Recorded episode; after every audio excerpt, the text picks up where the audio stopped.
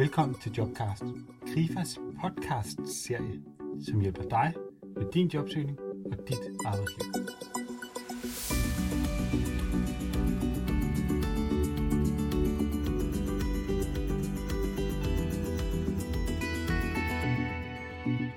I denne podcast sætter vi fokus på den mest klassiske disciplin inden for jobsøgning, nemlig den skriftlige ansøgning.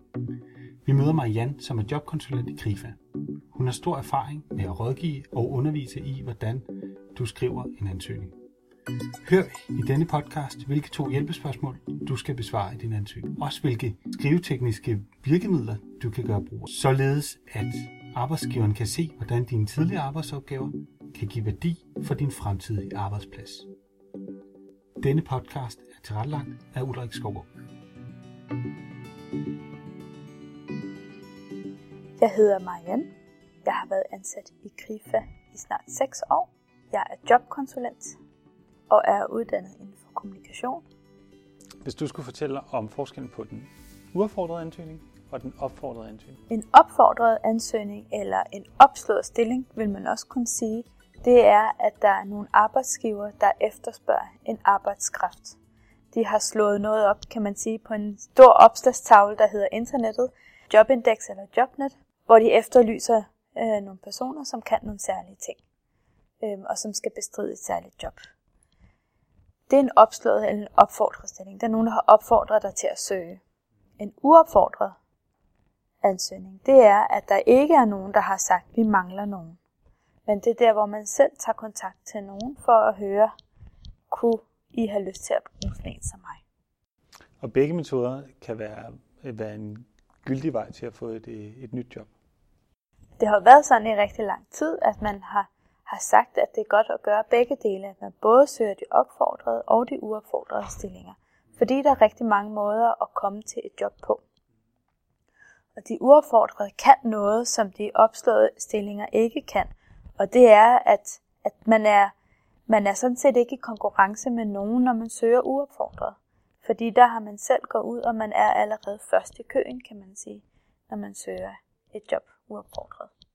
Fordi at virksomhederne, når de slår et job op, så får de også 100, 200, måske 400 svar tilbage. Så der er det en anden konkurrencesituation, man er i, end når man skriver uden at være opfordret til det. Præcis. Hvis der er, øh, man har hørt, jeg har hørt historier om stillinger, hvor der er 1200 ansøgninger, så skal der rigtig meget til for at skille sig ud, når man søger et arbejde. Og der kan det være lidt nemmere at søge uopfordret, fordi der er man måske den eneste. Vi skal snakke om det senere, det med at skille sig ud. Men lad os øh, lige få kortlagt det her med den, den uopfordrede først. Hvordan er den sådan, klassiske opskrift på en uopfordret ansøgning? Hvad, hvad er det, man skriver der, når man ikke har en stillingsannonce at gå ud fra? Mm. Øhm, den typisk måde at gå til det på, hvis man skulle lave en uopfordret ansøgning, der kan man gøre to ting. Det ene det er, at man kan, kan lave en generel ansøgning, som passer til mange steder. Hvor man skriver lidt om, hvem, hvem er jeg, og, og hvorfor kunne jeg godt tænke mig den her, den her slags stilling. Eller øh, kunne I bruge en som mig, som, som har de her kompetencer. Så kan man også lave en, der er meget specifik uopfordret ansøgning øh, til hver enkelt virksomhed. Eller den virksomhed, som man nu søger i, hvor man går ind og undersøger forskellige ting. Man har måske hørt, at øh, de mangler nogen, eller der er nogen, der er syge, eller de har, øh, de har meget travlt, eller, eller noget af den stil, og så der viser at, at fortælle, hvordan man kan ko- konkret kan gå ind i en, en bestemt virksomhed, øh, og hvordan at man kan tilbyde sin arbejdskraft der. Og der vil det typisk være, at man starter med at fortælle, hvorfor søger jeg det her job, øh, og hvordan kan I bruge sådan en som mig. Det er den øh, uaffordrede ansøgning. Jeg har lige fem hurtige spørgsmål, som jeg tænker, at du kan svare enten med ja eller nej, eller en sætning på. Mm. Hvor langt må et, en ansøgning være? Max en side. Hvad med tv? To sider. Hvad er målet med en øh, ansøgning? Målet med en ansøgning det er at fortælle, hvorfor arbejdsgiveren skal kalde dig til en samtale. Skal der billede på CV'et? Ja. Er der en endegyldig formel på en ansøgning? Skal man begynde en ansøgning med efter at have læst jeres spændende annonce dags dato på Jobindex? Nej. Lad os prøve at gå tilbage til det med den opfordrede ansøgning. Mm. Der har man som regel en jobannonce, man ligesom skal besvare. Altså det her med, at man ser en annonce, og så skal man svare på den. Mm. Hvordan, øh, hvordan, hvordan bærer man taget med det? For det første så er det vigtigt at læse det her jobopslag igennem flere gange, for at finde ud af øhm, og gøre sig klart og få et overblik over, hvem er det, de søger i, den her stil, i det her opslag. Øhm, hvad er det for nogle særlige kompetencer, de, de ser efter, og, og hvad er det, de rigtig gerne vil have. Og der kan man øh, bruge forskellige metoder til det. Mm. Øhm, den, den metode, som jeg synes er rigtig gavnlig, det er, at man øh, tager det her stillingsopslag, og så læser den igennem. Og så tager man øh, og ser på, hvad er det, de kræver? Hvad er det, arbejdsgiveren kræver, at jeg kan? Det kan være, at der står, at man skal have en bestemt uddannelse, eller at, vi, øh, at du skal have øh, så så så mange års erfaring med det her. Eller du skal have bil, eller du skal være klar til at bruge din egen bil i arbejdet. Den slags ting. Når man har kigget på de forskellige ting, som de kræver, så kan man se på bagefter, hvad kunne de godt tænke sig. Vi kunne godt tænke os, at du øh, øh, er meget fleksibel, både kan tage aftenvagter og dagvagter for eksempel. Eller, øh, ja. Eller du kan have erfaring inden for det. Ja. Eller ja. sådan nogle ord, hvor det ikke er skal, men sådan nogle, det er en mulighed, eller mulighed for, eller mm. kan, eller det vil være en fordel hvis, eller... Øhm, og det kunne også være sådan noget som, at, øh, at man skal være god til at samarbejde og sådan nogle ting. Øhm, og det er selvfølgelig en skal ting, men at det kunne være formuleret sådan, som at vi ser, at du øh, måske har arbejdet med de her ting, men det er ikke et krav. Det kunne da også godt stå i et opslag. Og så vil jeg anbefale, at man skriver de forskellige ting ned på et papir ved siden af. Øhm, så man får et overblik over, hvad er det, jeg skal kunne, hvad er det, de godt kunne tænke sig. Og til sidst så kan man se på, er der nogle særlige ting, der går igen i det her stillingsopslag. Noget, der på en eller anden måde står skjult, øh, eller står mellem linjerne. Det kan for eksempel være, at, øh, at de nævner øh, service i hver tredje sætning, eller øh, fleksibel er noget, der går igen. Øh, det kan også godt være, at der er en bestemt, bestemt tone i, i, øh, i ansøgningen meget formel, eller det kan også være meget uformelt. Det kan være, at der bliver lagt rigtig stor vægt på, hvordan man skal være som kollega. Øhm, at de lægger rigtig meget vægt på, at man skal være social, og vi har rigtig meget sammen, og øhm, den slags. Det kan også godt være, at et jobopslag, som øh, ikke lægger vægt på overhovedet, hvordan man skal være som kollega eller som person, men som kun lægger vægt på det faglige. Øhm, så man kan få rigtig mange informationer ved også at se på, hvad er det for nogle ord, de bruger, hvad er det for nogle et type af sprog, de bruger, øh, hvad er det for nogle øh, ting, de lægger vægt på. Så når man har et papir foran sig, jeg ved også, der er nogen, der bruger forskellige farver mm. øh, på at sige, det her det er skal-ting, mm. og det her det er nogle øh, muligheder, mm. altså nødvendigheder eller øh, rare tilvalg. Så når man har det her stykke papir foran sig med de her to ting, hvad er det så, man bruger det til? Altså, så det er så man mellem linjerne og kan se, hvad er det for nogle... Men hvordan bruger man det i sin ansøgning, når man så skal skrive ansøgningen? Mm. For det første, så kan man danne sig et overblik over, får jeg de informationer, jeg har brug for i det her jobopslag, til at jeg kan skrive en god ansøgning. Lige indskudsætning, hvad, hvad gør man, hvis man ikke får de informationer, man skal bruge? Så må man i gang med at opsøge den viden, man har brug for, for at kunne skrive en ansøgning. Og der kan man jo bruge internettet, og man kan bruge virksomhedernes hjemmesider. Man kan øh, finde ud af, om der er nogen, man kender, som kender den her virksomhed. Nogen, som måske arbejder der. Der skal man bruge sit netværk. Det kan være, at man er på LinkedIn, og der kan man finde kontakter der, man kan, kan få informationer fra. Øhm, og hvis ikke man kan det, så er der i alle jobopslag, der er der en kontaktperson, man kan ringe til. Og der har man lavet undersøgelser, der viser, at arbejdsgiverne faktisk gerne vil have, at man ringer.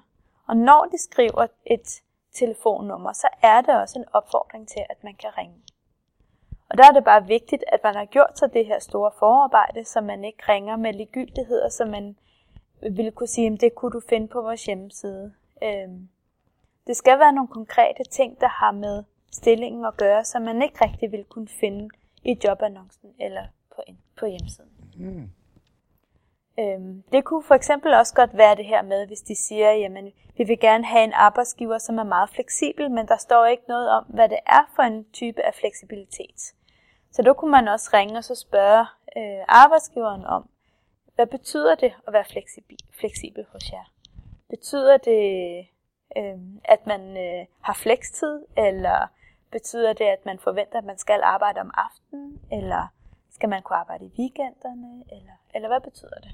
Eller mere end det, der står på i kontrakten, eller det kan betyde mange ting. Ja. ja. Okay, så det her med at, at gøre noget, øh, nogle forundersøgelser, inden man sådan lige øh, skriver ansøgningen, det er, det, det er vigtigt for, at man skriver den gode ansøgning. Mm. Så hvis vi ikke har fået svar på det, vi havde af spørgsmål inden, vi har læst annoncen, og så laver vi noget research, så nu har vi sådan vidensniveauet klar. Mm. Så går man vel bare i gang med at skrive, og så starter man med første linje og skriver, kære virksomhed, eller hvad, hvad, hvad, hvad? Så går de fleste i stå. ja, det er efter øhm, tit i stå. Jeg kunne heller ikke lige finde på mere i hvert fald. Nej. Øhm, det kan være rigtig svært det her med at skrive en ansøgning, fordi at øhm, man skal have så mange ting med i den her ansøgning. Øhm, og man snakker tit om det her med, at, at man skal vide, hvem man skriver til, og man skal skrive meget målrettet og sådan noget. Og det kan være svært i en ansøgning, fordi man aldrig helt ved, hvem det er, man skriver til. Man kender ikke den her person, og ved ikke, hvad det er for en, en type person, man skriver til. Samtidig skal man fortælle så godt som muligt om sig selv. Man skal gøre sig lidt lækker i forhold til at kunne blive kaldt til den her jobsamtale, som, og man skal vise, øh, at vise noget ærlighed og vise noget personlighed, og man skal også vise, at man har de rigtige kompetencer til det her. Så det kan godt gøre, at man øh, kan føle sådan en, øh, eller opleve, at man har sådan lidt en skriveblokering. Så det man kunne gøre, det er at, at øh, ikke starte fra starten, men lidt skrive øh, en, en, en fri tekst, kan man sige. At man bare starter med at skrive, hvorfor søger jeg det her job? Altså man spørger sig selv, hvorfor søger jeg job? Så hvis man skriver sætningen ned, hvorfor søger jeg det her job? Og så svarer på det først. Øhm, og bagefter så vil man øh, kunne stille sig et spørgsmål, der hedder, hvad vil, hvad vil I få ud af at have mig ansat? Hvilken betydning eller hvilken værdi vil jeg kunne have for jer? Hvorfor skal I ansætte mig? Så det er sådan de to centrale spørgsmål. Det er, hvorfor søger jeg det her job? Hos jer, vil også. Hos jer, sagten, ikke? ja. Mm. Og hvorfor skal I ansætte mig? Det er sådan de to centrale del. Øhm, det er også det, man kunne kalde for motivation. Hvad gør man af de ting, hvor at man har kortlagt, hvad der er skal, og hvad der er muligheder? Mm. Som vi talte om før, det her med, at nogle ting, det skal man kunne, og nogle ting vil være dejligt, mm. hvis man kunne. Hvordan bruger man det i det her med at skrive motivation? I forhold til motivationen, så kan man få flettet det ind i forhold til, at jeg, øh, jeg kan godt lide at så starte sådan noget med at sige, at jeg søger det her job, fordi at jeg med min erfaring som kommunikationskonsulent øh, vil kunne søge et arbejde, eller kunne bare tage det her job med at kommunikere til jeres kunder, den her virksomhed, som har brug for at øh, opnå de her de resultater. Øh, så kan man vise allerede der, at man har erfaring og har den uddannelse, som der for eksempel bliver krævet. Man vil også kunne flette det ind og så sige, at øh, hvis I ansætter mig, så får I en medarbejder, der har det og det og det, og som vil kunne gøre det og det for jer. Så når man har svaret på de her to spørgsmål, med hvorfor søger jeg jobbet hos jer, og hvad værdi vil jeg give til virksomheden, så er man jo øh, sådan meget godt i gang. Mm. Hvor skal, skal det stå sidst, så det er det sidste virksomheden husker, eller skal det stå først, eller hvor, hvor, hvor skal de to ting stå? Mm. Der er sådan nogle, øh, nogle øh, skrivetekniske virkemidler, man kan bruge, når man skriver en tekst. Og når det er sagt, så er der aldrig en rigtig måde at skrive en ansøgning på. Men der er nogle virkemidler, som som man kan bruge, og som virker godt, når man skal overbevise nogen om noget. For det første, så er det rigtig vigtigt at have en god overskrift. Og det vil, øh, den skal på en eller anden måde fange, og den skal, den skal give en appetitvækker på, på det, man nu vil skrive. Det kunne for eksempel være en, øh, en overskrift, der hedder elektriker med lys i pæren. det kunne være en overskrift som... Byens bedste bærer, der er noget bogstavrim i den. Eller ja, noget... eller øh, øh, en kok, der bager bedre brød end din mor, eller et eller andet, som på en eller anden måde beskriver dig, og som, som skriver noget om, hvad du kan. Det er en appetitvækker. Det er lidt ligesom, hvis man ser en, øh, en spiseseddel for aviserne, hvor der står en anden overskrift, som fanger. Og bagefter så har du 3-5 sætninger, hvor du kort kan opsummere, hvad det hele handler om. Hvorfor søger du det her job, og hvorfor skal arbejdsgiveren ansætte dig? Og de her fem sætninger, overskriften og de fem første sætninger, det er det, der fanger. Det er ligesom på en spiseseddel eller en avisannonce. Det, der står i den sorte rubrik og overskriften, det er det, man læser. Og så skimmer man måske resten, og så læser man de sidste to linjer. Så det kan man bruge som sådan et læsepsykologisk knep, når en arbejdsgiver har rigtig mange øh, ansøgninger, de skal kigge igennem. De fem første linjer. Hvis de er spændende, og hvis de tre sidste linjer er spændende, så har man også lyst til at læse det, der står indimellem. Utrolig vigtigt, det du nævner her med, at det er de fem første linjer, og måske de to sidste linjer, der er det allervigtigste. Mm. Men man kan vel også godt vinde sig lidt tid eller lidt mere opmærksomhed ved for eksempel at lave en deloverskrift, eller mm. bryde den vanlige øh, typologi med at måske lave nogle på, øh, punktopstillinger, mm. for i håb om at vinde måske lidt mere tid for, at der sker et skifte. Mm. Så, så vil læseren vel også automatisk tænke, det er også lidt interessant, ja. at nu sker der et skift med en deloverskrift eller en punktopstilling. Mm. Det er helt klart, at en, en ansøgning den skal være meget overskuelig at læse. Og den måde, man kan lave overskuelighed i en, en tekst, det er ved at have underafsnit med, med overskrifter. Øhm, det kunne være en overskrift, der hedder mine kompetencer, eller det får I, hvis I ansætter mig, eller også så man, man hjælper øh, dem, der sidder og læser ansøgningerne, så de også kan, kan slå ned på nogle af de punkter eller afsnit, der er i ansøgningen, og fokusere på det. Så jo, øh, jo mere overskuelig den er sat op, jo bedre vil det også være. For eksempel også med punktopstillinger. Et andet knep, man kan bruge, hvis nu man laver punktopstillinger eller laver afsnit, det er, at man deler den op i enten tre eller fem punkter eller afsnit. Og det er fordi, at tre eller fem, det virker som en helhed. Hvis nu man har fire punkter, så virker det uafsluttet. Så det er også et psykologisk øh, læseknep, man kan bruge, mm. som kommer helt fra oldtidens Grækenland. Vi har et hoved, to arme og to ben. Det er den måde, vi er vant til at overskue på. Så hvis vi har lavet fem punkter, så har vi ligesom afsluttet og, og fået det hele med. Så når man laver for eksempel punktopstilling, så kunne det være, at man tager nogle af de her ord, som går igennem jobannoncen, det kan være ord som ansvarlig, eller samarbejde, eller fleksibel, eller udvikling kunne det være. Så man tager nogle af de der punkter og udfolder dem lidt mere og skriver, øh, hvis I ansætter mig, får jeg en ansvarlig medarbejder, som selv kan tage fat i opgaver, selv kan udvikle nye opgaver. Jeg kan for eksempel gøre sådan og sådan. Og det med at have eksempler med er rigtig godt, fordi der får man også vist og lavet et billede af, i hvad, hvordan ville det kunne se ud, hvis det er, at man bliver ansat. Så skaber man et billede ind i hovedet på læseren. Mm. Ja. Ja. Så arbejdsgiveren også kan se, nå ja, det kunne egentlig også, det kunne egentlig være ret interessant. Og det man jo ofte ser, når man har analyseret og kigget på sit jobopslag og sådan, det er, at nogle gange vil man opleve, at arbejdsgiveren måske heller ikke helt ved, hvad det er for en, en øh, medarbejder, de søger. Og der har man jo også frie rammer til at udfolde det lidt, og så sige, jeg vil kunne gøre sådan her for jer. Øhm, og, og hvis der er områder, som øh, er skalopgaver, men som man ikke øh, opfylder helt, så kan man lægge vægt på noget andet og fremhæve det, så man på den måde får de kompetencer frem og får det synliggjort og får, det, får, får vist, at det har en betydning for dem. Du nævnte også før, at den sidste linje Mm. er vigtig. Ja. Hvordan slutter man en, en god ansøgning af? Man slutter en god ansøgning af øh, ved at åbne op og invitere ind til, at vi skal tale videre, og vi skal lade hinanden bedre kende. Vi skal finde ud af, hvordan kan vores samarbejde fortsætte. Og det handler noget, øh, det handler om, at man jo gerne vil til den her samtale, så det er det, det slutter af med.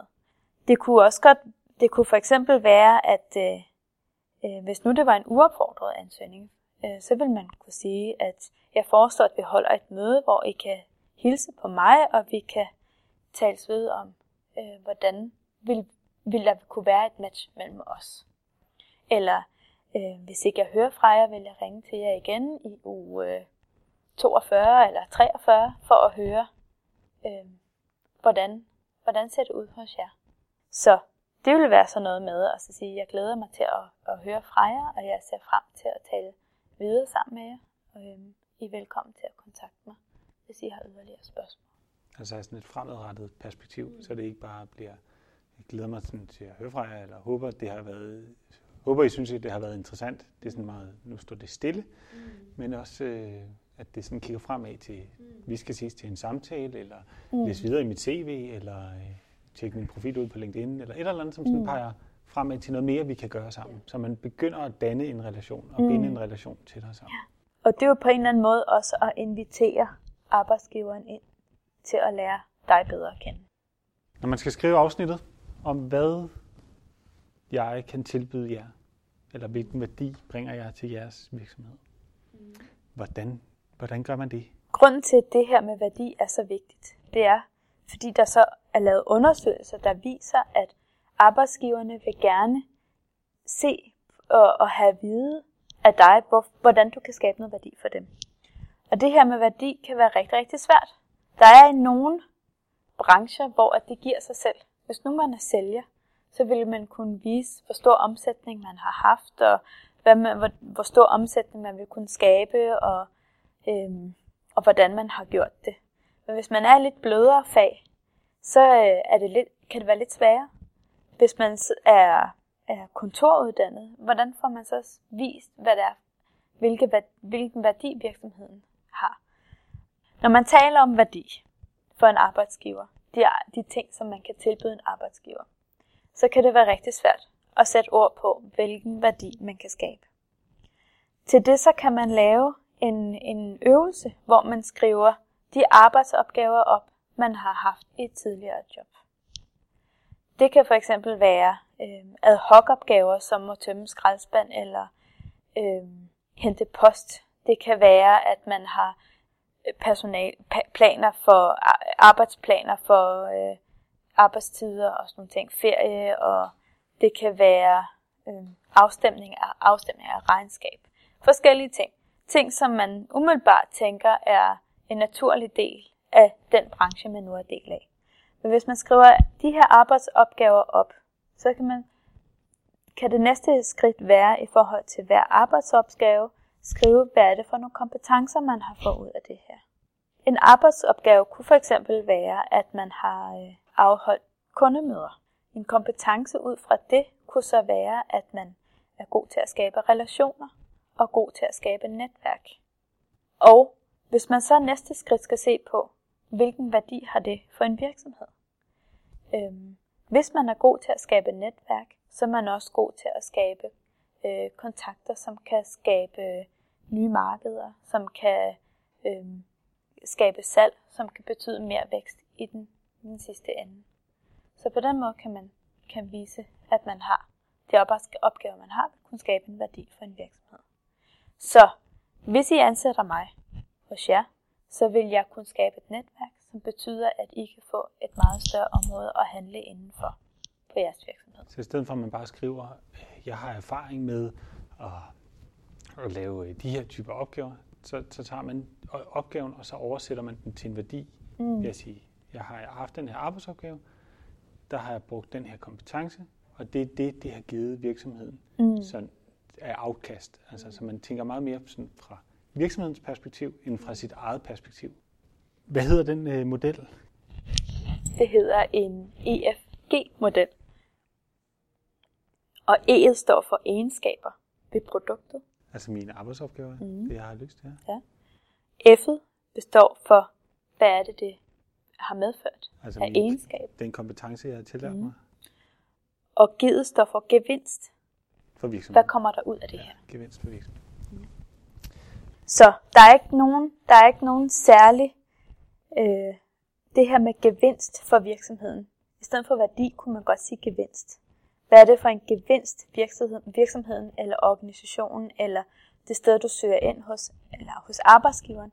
Hvad er det for en gevinst arbejdsgiveren får af at få dig ind? Og min erfaring er, at der er rigtig mange ting, som man øh, selv synes er indlysende for en arbejdsgiver, at det er det her, man kan, og det er det her, det medfører. Fordi jeg kvæg min uddannelse, så er det oplagt, at selvfølgelig kan jeg det her. Men der er altid noget, man er bedre til, eller rigtig god til. Og de ting, som man vælger at fremhæve, det er også nogle af det, som vil få, noget af det, som vil få betydning for arbejdsgiveren. Øhm, så derfor så er det ikke ligegyldigt, og der er ikke noget, der er indlysende. Så en hovedregel i, når man skriver en ansøgning, det er egentlig, at der er ikke noget, som arbejdsgiveren kan gætte sig til. Hvis der er noget, du gerne vil fortælle, og noget, du synes, der er vigtigt, arbejdsgiveren skal vide, for at kalde dig til en samtale, så skal du fortælle det. Det hænger vel også en lille smule sammen med det her med, at man skal skille sig ud. Mm. Altså, at når du skriver en ansøgning, og du ligesom skriver, hvad det er for en, en unik pakke, du ligesom kommer mm. med, så er det der, man skiller sig ud, mm. end hvis man bare skriver det samme som de 400 andre. Mm. Altså, hvis man antager, at arbejdsgiveren ved, at det er det, man laver, når man har arbejdet som, som salgsmedarbejder, eller når man har arbejdet som jobkonsulent, som du selv nævner. Mm. Hvis man antager, at ens kommende leder ved det, Mm. så, øh, så får man heller ikke mulighed for at skille sig ud, fordi så skriver alle bare, jeg har fem års erfaring Mm. inden for rådgivning af borgere. Og så, så er der ikke rigtig noget og en måde, måde at skille sig ud på. Mm. Hvordan kan man ellers sådan skille sig ud i forhold til det med at skrive en ansøgning, hvor der er 400 ansøgninger til? Altså det vigtigste er at så lave det her med motivation, og hvad man kan give for arbejdsgiveren. Det er det allervigtigste. Det er det, arbejdsgiveren gerne vil have. Så det er det her med overskrifterne. Øhm, hvad er det for nogle overskrifter, man vælger? Viser man noget kreativitet? Det sidste, vi skal nå at vende i dag, det er lidt omkring det her med CV'et. Normalt kommer en ansøgning i, sammen med et CV. For lige at få det kridtet helt klart op. Hvad er det, CV'et beskæftiger sig med, og hvad er det, ansøgningen beskæftiger sig med? Mm. Ansøgningen, det, det er det, der peger fremad. Hvad kan jeg gøre for jer? CV'et, det peger bagud. Det er de ting, som man har erfaring med, de ting, man har lavet. En opridsning af det. Så begge dele skal være der. I en ansøgning, der skal man ikke, behøver man ikke at skrive en hel masse om sine erfaringer. Der skal man skrive mere om, hvordan de erfaringer, man har, kan blive brugt hos virksomheden. Men i, i CV'et, der får man skabt det her overblik over, hvad er det, jeg har lavet, og hvilke kompetencer har jeg fået ud af det. Og der viser det sig, at der er rigtig mange arbejdsgivere, som er meget øh, konservative i forhold til CV'et. At det skal egentlig bare være, som det altid har set ud, og det skal indeholde de klassiske elementer, som er erhvervserfaring, uddannelse, øh, IT-erfaring, øh, frivilligt arbejde, den slags. Og det, det er egentlig de ting, der skal med. Men der vil man kunne skrive ud fra din erfaring, hvilke kompetencer man også har fået ud fra det. Eller det kan også være arbejdsopgaver. Og det er også der, man skal være utrolig varsom, tænker jeg, med, at man ikke gentager sig selv Mm. I CV'et og ansøgningen. Mm. Fordi når man har en side til ansøgning og et par sider til CV'et, Mm. så er der jo ikke plads til gentagelser. Nej. Man skal udvælge både i, sin, i sit CV og i sin ansøgning, hvad man gerne vil have med. Så derfor så bliver man også nødt til at arbejde med øh, en målrettet ansøgning og et målrettet CV. Så man har de kompetencer og den erfaring, og fremhæver og gør mere ud af de ting i sit, i sit CV, som passer til det job, eller som har relevans i forhold til det job, man søger. Og helt grundlæggende, når du siger målrettet, Mm. så betyder det jo, man skriver en ny ansøgning hver gang. Ja. Altså det der med at genbruge og tænke, at alle virksomheder vil have det samme, mm. den, den går vel ikke? Nej, ofte så, så øh, er der mange, der, der sender det samme CV med hver eneste gang. Men der skal ændres i det hver gang. Det betyder ikke, at man skal opfinde den dybe tallerken hver gang, fordi selvfølgelig kan man genbruge elementer, og man søger måske også job, der på en eller anden måde minder om hinanden. Men derfor så skal man stadigvæk fremhæve forskellige ting, og man skal altid gå igennem sit CV for at se, er der nogen, er det her vigtigt for det her job. Så vil øh, min anbefaling også være, at man i sit CV starter med at lave en profiltekst, så man fortæller lidt om, hvem er jeg som medarbejder, og hvordan er jeg som kollega. Og det er måske en, øh, en fem, syv linjer. Og det er igen det vigtigste. Mm, det aller, aller vigtigste, og det er en overordnet beskrivelse om. Det kan for eksempel være, at man har lavet mange forskellige ting i sit liv, så hvad er, hvad er den røde tråd i de ting, jeg har lavet? Det kan være, at man har taget en uddannelse og har noget erhvervserfaring, som går i hver sin retning, så hvordan får man kædet de to ting sammen? Øhm, så det er også noget, man kan beskrive i sin profiltekst. Hvad er den røde tråd gennem mit uddannelse og erhvervsliv? Og sidste spørgsmål.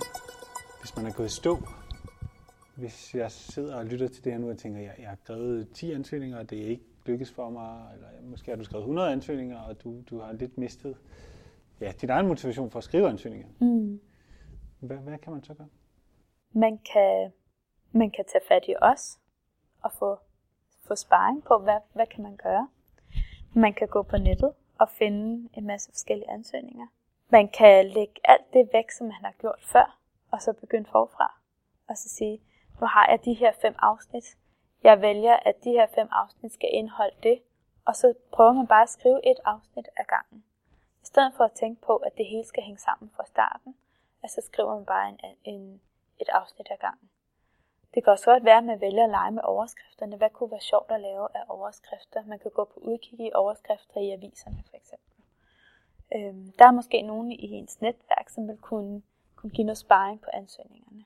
Ja, det kan vel både være Altså en, der måske er god til at lave layout, som kan mm. give noget feedback på, hvordan ser den egentlig ud, mm. altså sådan rent visuelt. Og så er der vel nogen, der måske er gode til at skrive, som kan mm. give noget sproglig feedback. Mm. Så kan det også være nogen, der kender den branche, man søger i, som kan give noget sådan faglig feedback. Mm. Og ellers kan det være en, der kender en rigtig godt, som ved faktisk, hvad det er, man har øh, mm. på hylderne. Og det kunne også være, at man kender en, der er arbejdsgiver, som vil kunne læse den igennem og så sige, hvis nu du læser den her, får du så en fornemmelse af, hvem jeg er og hvad jeg vil kunne tilbyde jer. Så det er i hvert fald, vi startede med at tale om, at, at man kan bare begynde at skrive sådan en fritekst på en eller anden måde. Øh, og det kan også godt være en god måde at ikke tænke i, at det her skal sættes op på en bestemt måde, og alle sætninger skal på en eller anden måde være perfekte. Men at man bare starter med at skrive, og så vælger man ud, og så kan man på den måde arbejde sig igennem en ansøgning. Og når alt det her er sagt omkring jobannoncen og ansøgningen og måden, man får viden på omkring det her job, og man skal bruge sit netværk, det lyd, kan jo godt lyde helt uoverskueligt.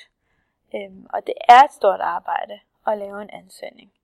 Og derfor, så, og, og derfor skal man heller ikke bare sende afsted. Det er bedre, at det er kvalitetsansøgninger, man sender afsted, end man bare, bare sender en bunke afsted.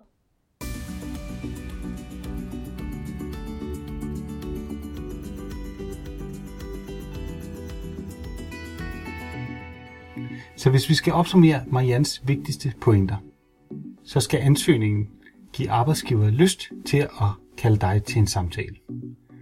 Og det skal du gøre ved at fange hans opmærksomhed, f.eks. ved at bruge overskriften til noget. Sælge dine særlige kompetencer og bruge centrale nøgleord for jobopslaget. Det kan være en appetitvækker på, hvad du kan tilbyde, hvor modtageren får lyst til at vide mere. I din ansøgning skal du ikke skrive alt om dig selv, men du skal skrive de vigtige ting i forhold til job, dine vigtigste kvalifikationer i forhold til det, og så skal du tro på det, du har skrevet i ansøgningen, og tro på, at den er god nok til at kalde dig til en samtale. Overalt i landet holder Grifa kurser i, hvordan du skriver dig til jobbet. Tjek også vores andre kurser og webinarer ud på grifa.dk. Tak fordi du lyttede med, og husk at abonnere på Grifas podcast, så får du nyeste episoder direkte ned på farten. Tak for nu, og på venlig genhør.